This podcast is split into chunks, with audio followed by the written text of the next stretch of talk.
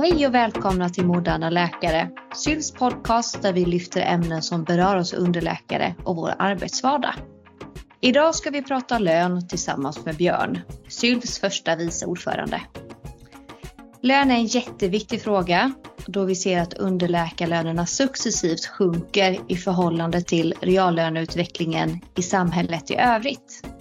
I det här avsnittet kommer vi få lära oss mer om löneförhandling och varför du som ny kollega inte ska acceptera något lägre än medellönen på den klinik som du börjar på. Jag som håller intervjun och podden heter Julia Borg och är chefredaktör för Moderna Läkare och ledamot i SYLF. Men välkommen tillbaka till podden! Tack Julia!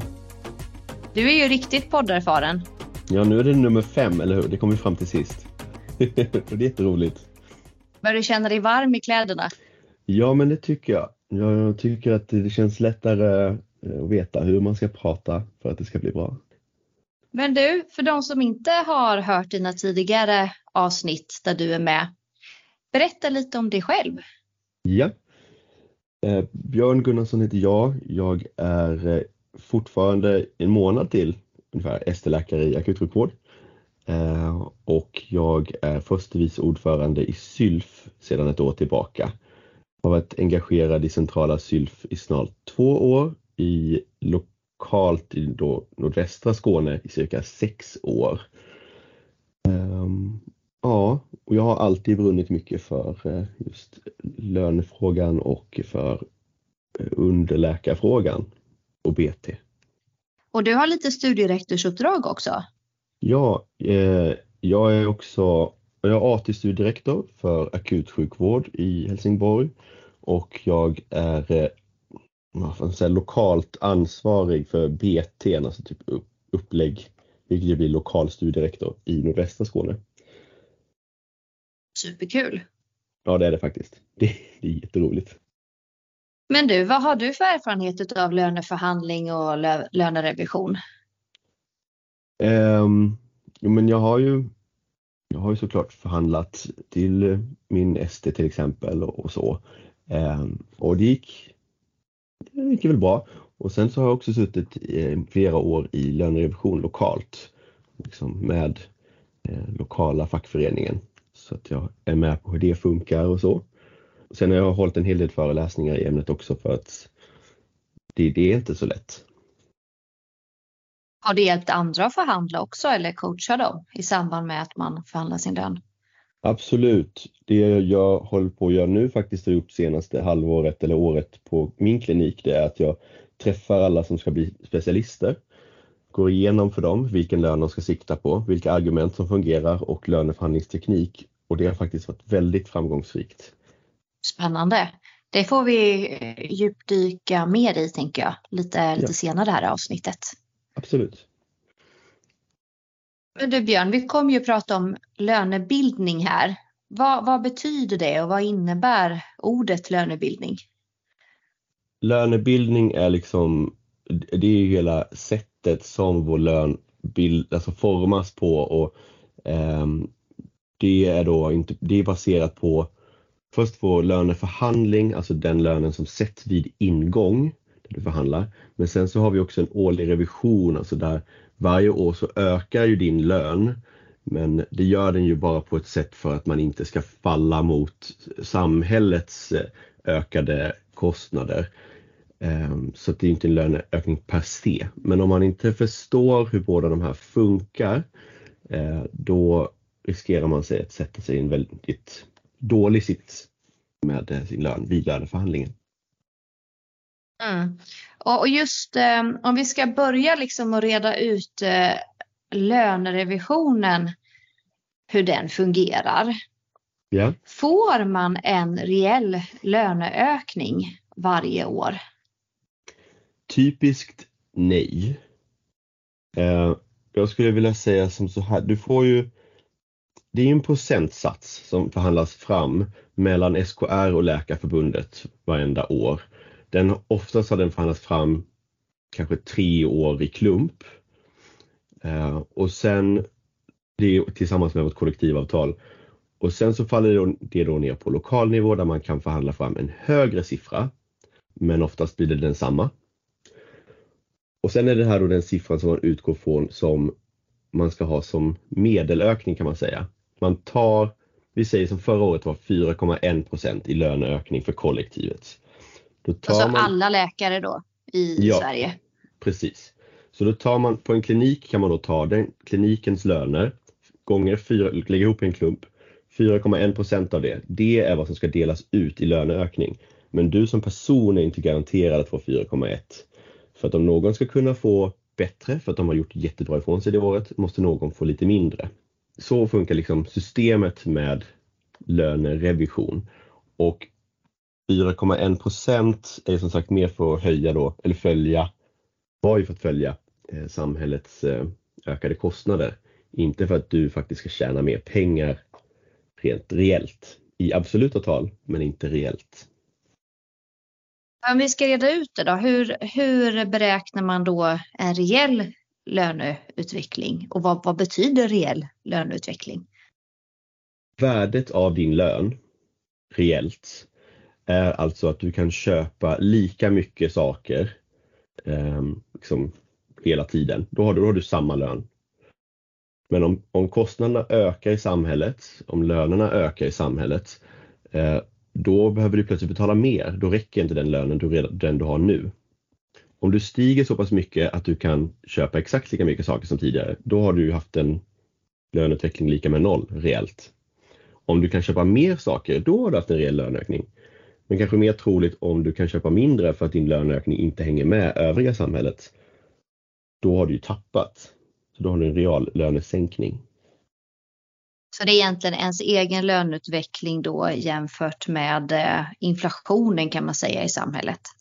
Eller kostnadsutvecklingen i samhället. Ja, kostnadsutvecklingen är bra för att eh, inflationen, det, det, det är ju inte bara den som höjer kostnader.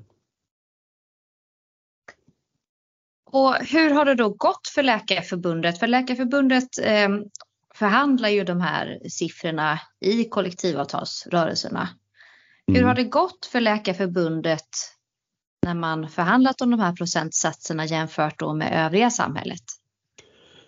Ja, man kan säga som så att eh, inflationen har ju överlag varit väldigt låg senaste tiden. Det är ju de senaste åren nu, bara två åren, som vi har sett att det verkligen har exploderat. Innan dess så eh, har den varit rätt så konstant låg och de procentsiffror som man då förhandlat fram för läkarför, från Läkarförbundet har faktiskt överlag varit rätt så bra.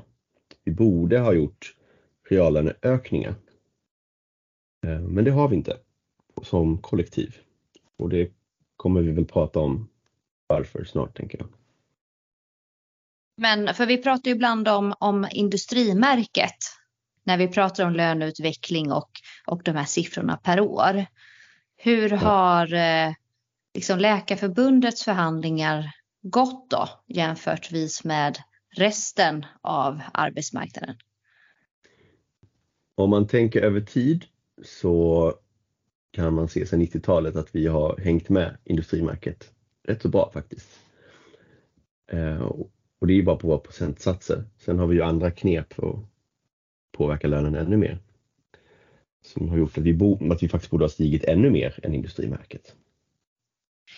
Eh, men Björn, vi, vi, får ju liksom, vi får ju till oss att, eh, att läkarlönerna sjunker jämförsvis med övriga samhället då samtidigt som vi får motsvarande industrimärket i, i våra kollektivavtalsförhandlingar.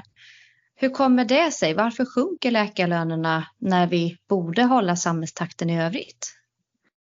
Men det handlar ju då om eh, form av löneglidning, både en positiv sådan i samhället, det vill säga man kanske, om det är många som byter jobb, så tydligt, typiskt förhandlar de till sig en bättre lön och kanske då ökar mer än, än industrimärket. Medan om man jämför med många läkare istället så har det ofta varit så att ingångslönerna från år till år inte ökar, till, alltså de ökar inte med något industrimärke utan ibland står till och med still och då blir det ju en reallönesänkning på flera procent. Så där, därför är det att vi inte hänger med. För som du var inne på lite innan att det är inte säkert att man får en reell löneutveckling under en, eh, under en pågående anställning.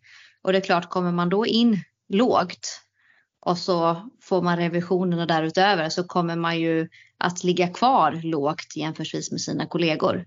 Och sen kanske chefen till nästa person som eh, förhandlar om en anställning kommer med argumentet att ja, men du som inte är så erfaren kan ju inte ha lika hög lön som någon som jobbat här i ett eller två år. Mm. Och då får man en ännu lägre lön. Och på det viset så knuffas löneläget neråt hela tiden på Precis. ingångssidan.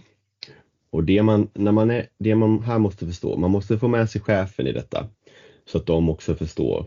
Om jag går in i en median i den gruppen istället, en reviderad median. Med det vill jag säga att går man in innan revisionen är gjord det året så måste lägga på genomsnittsrevisionssiffran. Ehm, men om jag går in på en reviderad lön istället, visst, då hamnar jag mitt i kliniken eller mitt i min yrkesgrupp som ST-läkare kanske. Men med största sannolikhet så är jag kanske inte så pass duktig att jag borde ligga i mitten till nästa år. Men jag kommer in med de pengarna och då kan jag få en mindre revision till året efter så att jag hamnar rätt i gruppen. Och de som inte har kunnat premieras för att de faktiskt gör ett väldigt bra jobb och har kommit väldigt långt, de kan få lite mer. Och så sätt tjänar hela gruppen på det och vi hänger med i löneutvecklingen i samhället. Och det är kanske lite uspen till varför man som ny kollega då ska ha en högre lön initialt än sina kollegor på samma arbetsplats. Exakt. Och det är viktigt att man kommer ihåg att det här handlar om gruppen, inte om individen. Det måste chefen också förstå. Det är inte mig du sitter här och jämför när du liksom vill löneförhandla och att jag är sämre än alla andra, utan om du ger mig en dålig lön, då sänker du hela gruppen. För om vi ska komma in på hur en lönerevision, alltså den årliga lönerevisionen går till. Eh, du var inne lite på den här potten. Ja. Som, som räknas fram varje år. Eh, alltså pengar som ska fördelas, alltså löneutrymmet som ska fördelas på en klinik till exempel. Precis.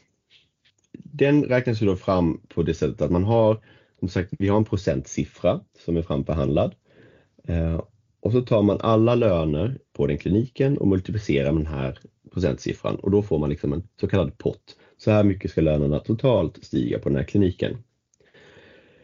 Ehm, och om man då också är fackligt ansluten så kan vi, göra, då kan vi flytta pengarna lite grann. Eh, det vill säga vi kan skapa det som heter nollor, att vi väljer att inte ge någon som ändå ska byta tjänst snart, förhandla ny lön snart och istället lägga ut på de andra. Och på det sättet så kan vi då driva upp lönerna lite grann ehm, på kollektivet. Och finns det någon skillnad här om man är med i facket eller inte? Vem förhandlar åt den? Ja, om man är med i facket så förhandlar facket åt en. Eh, om man inte är med i facket så förhandlar ingen åt en. Eh, du får ju ha ett samtal med din chef. Men det är inte så att någon kommer att det kommer inte flyttas på några pengar för att du uttrycker hur duktig du är. Det, och det innebär då att är man fackligt ansluten, det samtal du har med din chef som man ofta pratar om, så lönesamtal, så det, det är inte en förhandling. Utan det ska helst vara innan revisionen där du tydliggör vad du har gjort som har varit bra det året, varför du förtjänar kanske lite mer. För sen när man faktiskt sen sitter i lönerevision från fackligt, liksom som facklig deltagare, då träffar man ju alla chefer. De går igenom varenda person varför den ska få den löneökning den får. Och därför är det då viktigt att man faktiskt har kunnat framföra vad man har gjort under året. Så att man får en rättvis löneökning. Så det är jätteviktigt att faktiskt gå på medarbetarsamtalen? Ja. Så alla som inte har bokat medarbetarsamtal med sin chef, gör det nu. Och det är också jätteviktigt att det görs i rätt tid. Om ni får medarbetarsamtal bokade i typ så september som första, då ska ju revisionen vara gjord. Det, man har inte alltid hunnit, men den ska ju det. Då bör det påpekas att det här är väl lite fel i tiden egentligen. För det kan ju också låta attraktivt att inte vara med i facket och faktiskt få, få sitta då med chefen själv och förklara varför jag ska ha den här lönen. Alltså ha det lönesamtalet då som annars facket tar åt den.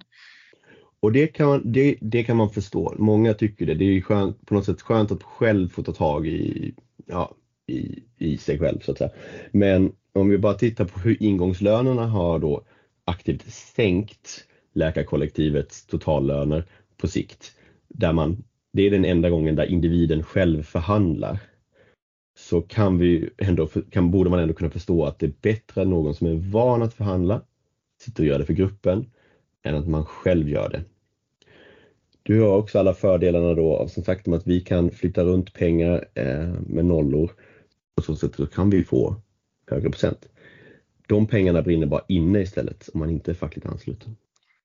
Men är det inte orättvist då att, att man inte får löneökningen för de månaderna man har kvar på, ett, eh, på sin anställning? Men, jo, det, det kan man tycka. Um, för att liksom om jag har slitit hårt det här året, varför ska inte jag ha de pengarna? Jo, men för att du har kunnat åtnjuta det alla andra år du har varit anställd.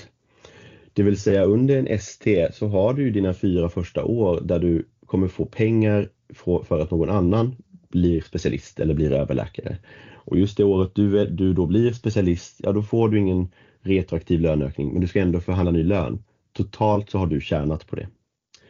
Mm. Uh, och det här kommer ju då hända vid varje man säger, steg där du förändrar din tjänst. Så att du kanske gör det tre, fyra, fem gånger under en karriär. Alla andra år får du pengar av dina kollegor. Vad är det då som de lokala läkarföreningarna tittar på då vid, eh, vid lönerevisionerna och när man går igenom de anställda? Eh, det vi tittar på är ju så att det liksom inte blir diskriminerande på något sätt, till exempel könsskillnader. Eh, det får inte heller vara så att någon som har varit föräldraledig eller så får överlägset sämre löneökning.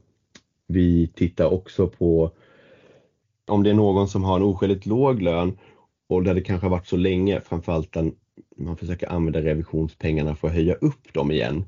Det är ju fel, då försöker vi lyfta ut dem så att de får omförhandlas separat så att säga. För då är de ju felaktigt lönesatta.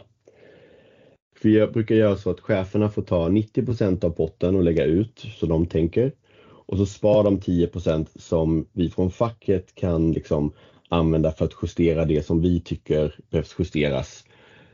Och det är för att vi i första hand inte ska behöva liksom rota runt fullständigt i det chefen har tänkt, liksom det som man lägger fram som argument.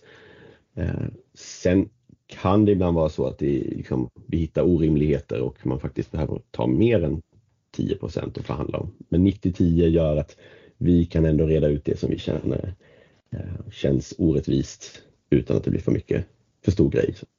Men händer det att, att facket faktiskt fördelar om pengar som chefen har lagt ut? Eh, det, det händer att vi ofta föreslår att man gör det.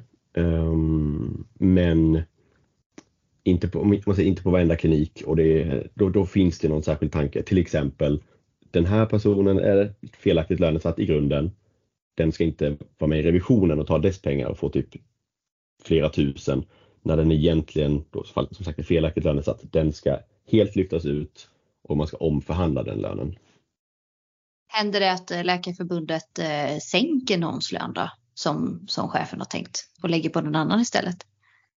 Eh, nej, det, det ska inte hända.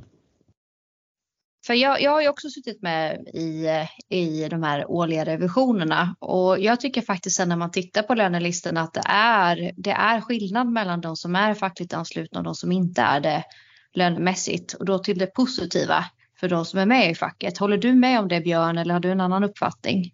Absolut, absolut. Eh, det jag har tittat på lönelistor så kan man se det redan vid ingångslönerna faktiskt också. De som inte är fackligt anslutna får oftast lägre löner eh, och sen så hålls de ju då låga för att de hänger inte med i revisionerna i övrigt. Ja, och jag vet inte om det är för att man som fackligt ansluten kanske har intjatats mer i hur man ska förhandla lön eller att man ska förhandla lön eller att man kan be om hjälp. Men jag tycker verkligen att det syns redan vid ingångslönerna också. Sen en annan aspekt av det är väl att den fackliga organisationen bevakar ju ändå att kollektivet får den angivna procenten. Det är ingen som kollar att de icke-fackligt anslutna faktiskt får procenten eh, som helhet på gruppen. Det kanske också kan förklara löneutvecklingen i jämförtvis med då med fackligt anslutna och inte. Ja, alltså facket går ju igenom, i slutändan går de ju igenom, har vi fått vår procentsats? Bra. Och sen så får man också ett besked över vad de icke fackligt anslutna har fått i procentsats. Och om den överstiger den som de fackliga anslutna har fått, då blir det rabalder och så måste man ge mer pengar till de fackligt anslutna så att säga. Um, och de, alltså, ofta håller väl cheferna själv eller då de högt uppsatta cheferna koll på att de icke fackligt anslutna som grupp också eller att det, för pengarna på något sätt fördelas ut till rätt procent men oftast läggs det väl då istället på någon chef högt upp. Är det, din, är det dina tankar? Mina tankar ja, det är att man eh, om, man, om de icke fackligt anslutna inte får tillräckligt procent då lägger man det på någon annan person i läkarkollektivet för att ändå som mm. grupp hänga med så att säga.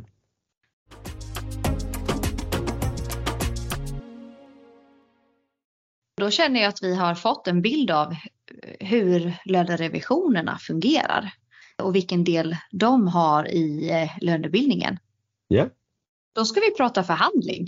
Det är ju någonting som man faktiskt själv som individ kanske påverkar mer. Precis. Men för att kunna löneförhandla bra så måste man ju också förstå hur revisionen fungerar. Eh, och det är därför det är så viktigt att vi har pratat om den först. Har du förhandlat specialistlönen? Du är ju snart färdig. Eh, nej, inte ännu. Inte ännu. Eh, men jag tror att jag knappt ens kommer behöva det för att eh, mina kollegor senast behövde inte det. Chefen har köpt de argumenten som jag säger rakt av och ger oss medianlön. Ska du inte försöka pressa upp det lite till då? Jo, det kanske jag ska. Kan du dela med dig av ett löneförhandlingsminne? Ja, eh, när jag skulle förhandla ST-lön, då så här, jag hade varit väldigt tydlig med att jag eh, bara ville vikariera på kliniken jag var på. Ehm, för att jag ville bli narkosläkare trodde jag. Eh, efter några månader in så kände jag att jag kan ändå vara här om jag får vara länge eller om jag får göra en lång randning. Och då sa jag liksom bara så här, ni vet vad ni får eh, och jag ska ha medianlön, det som gäller. Blev erbjuden tusenlapp mindre och då sa jag att nej, passar det inte, då går jag till vårdcentralen i ett halvår så kan vi snacka igen då. Vi avbröt där ehm, och sen så någon vecka senare så kom chefen in och sa att jo men du får det. Så att ehm, det var betydligt trevligare ton då än det jag beskriver nu så här snabbt men eh, jag, jag vägrade liksom ge mig och eh, han kunde ändå förstå att det är rätt. Annars hänger vi inte med i löneökningen. Och då fick det ta en vecka extra innan förhandlingen var klar då? Ja, och det spelar ju egentligen ingen som helst roll. Det är viktigt att man tänker på det. Det är bättre att en löneförhandling får ta lite tid och att den blir korrekt. För att ni har ju ändå bestämt vilket datum som din tjänst ändrades. Så då blir det ju retroaktiv löneökning ändå. Det viktiga är att ni liksom, ja, ni kan göra det bra och bli överens i slutändan. Nej, ska man väl förhandla lön innan man börjar så att man vet vad man kommer få i lönekuvertet innan man sätter sin fot på arbetsplatsen. Absolut, nu var jag, jag var ju redan där så att säga. Ehm, och det är ju samma sak när man förhandlar till specialistlön, då är man ju redan där. Men om du ska förhandla ett nytt jobb, absolut. Man ska tacka ja till jobbet i ena samtalet, i nästa samtal förhandlar man lön. Men det får också lov att ta tid. Oftast då är man ju många månader innan. Så mm. låt det ta sin tid, eh, samla argument, stöttning av, av eh, facket i, liksom, efter varje samtal. Och långsamt framåt. Slow and steady wins the race. Har du några tips då? Eh, alltså sådana här praktiska tips. Vad, vad, behöver man göra innan man sätter sig med chefen och förhandlar? Du måste ju först få koll på statistiken. Alltså hur, hur ligger lönerna på kliniken för den grupp du ska gå in i? Hur ligger de kanske i övrigt på sjukhuset och kanske till och med regionen?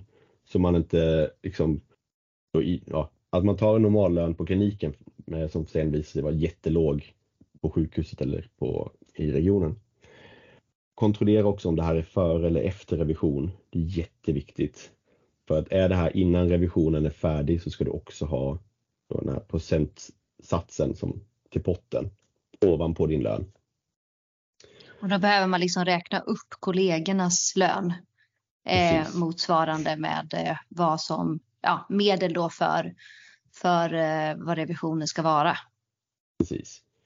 Um, och det är ju det händer ju vid årsskiftena sånt också så ni tänk, man tänker på det liksom att man går in på rätt lönenivå. Det är väl det förberedelsearbete man behöver göra där. Sen eh, fundera lite så här, slipa argument. Vad tillför jag särskilt till den här kliniken? Vad eh, kan jag liksom bidra med? Ja, och vilka erfarenheter har jag sedan tidigare som faktiskt är värda någonting? Eller borde vara värda någonting?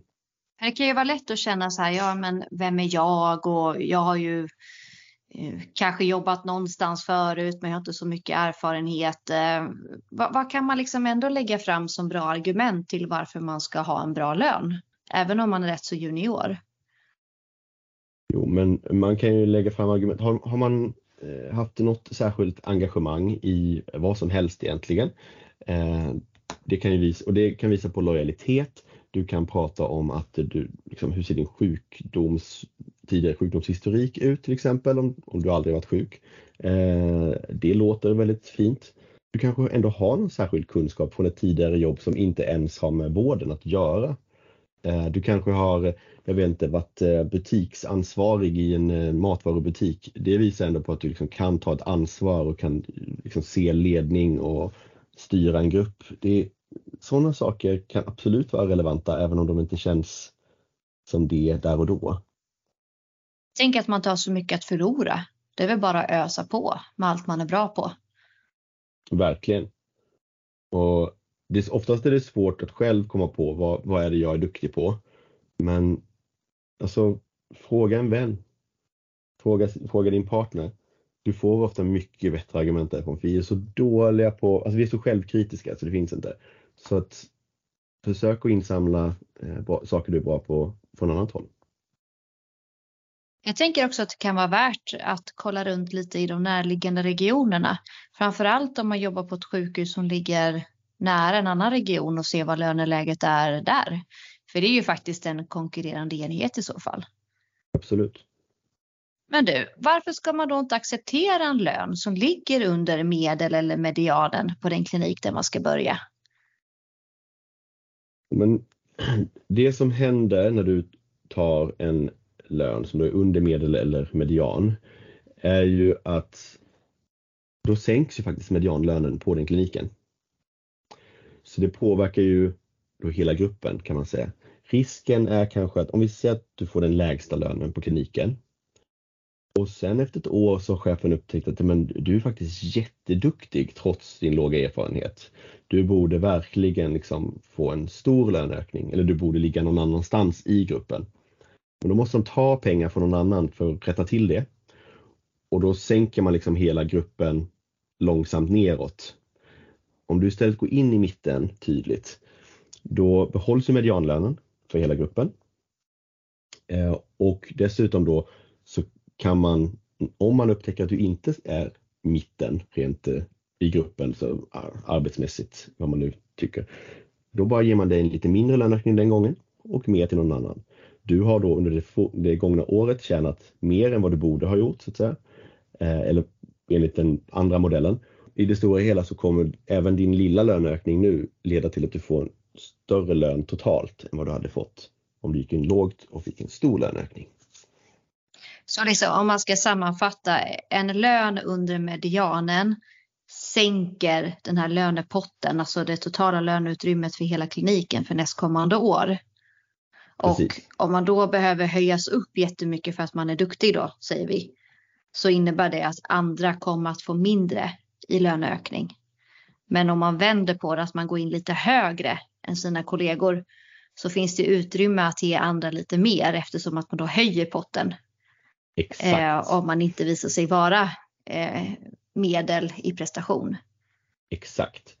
Och det här innebär ju att när min nya kollega får en högre lön än mig så ska jag inte känna att jag tappar i värde. Jag ska inte bli irriterad och frustrerad utan jag ska komma ihåg att även för mig som individ så innebär detta att jag kan få en större lön nu framöver för att nu blir potten större. Jätteviktigt att tänka på det. Och sen också bara att hela gruppen får ett ökat värde jämfört med om de, man får en låg ingångslön. Då tappar hela gruppen i värde. Vi sitter ihop i vår löneutveckling. Verkligen. Och det kan vara kontraintuitivt om man måste våga prata lön. Det, då blir det lättare liksom. Ska man känna sig misslyckad om man får mindre i, i eh, lönerevision än vad som är det motsvarande märket? Nej, det ska man inte göra.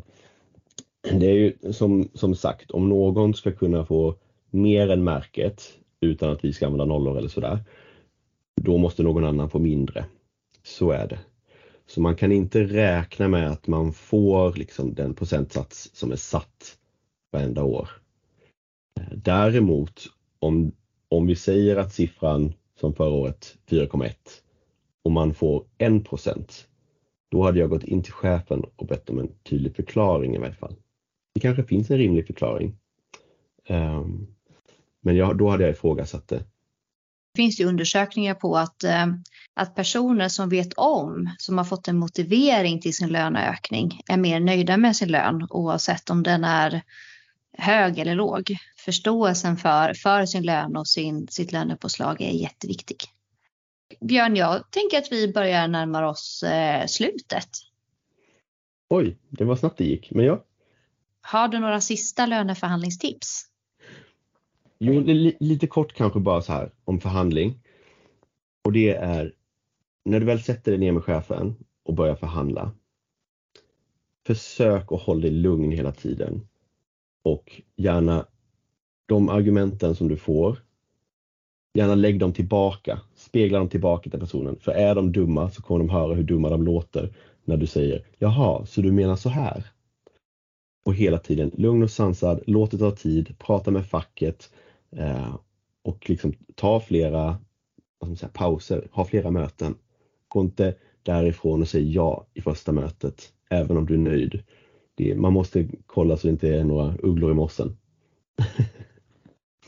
Jag tänker också som generellt eh, löneförhandlingstips. Låt alltid chefen börja med att ge ett bud så att inte du undersäljer dig. Precis.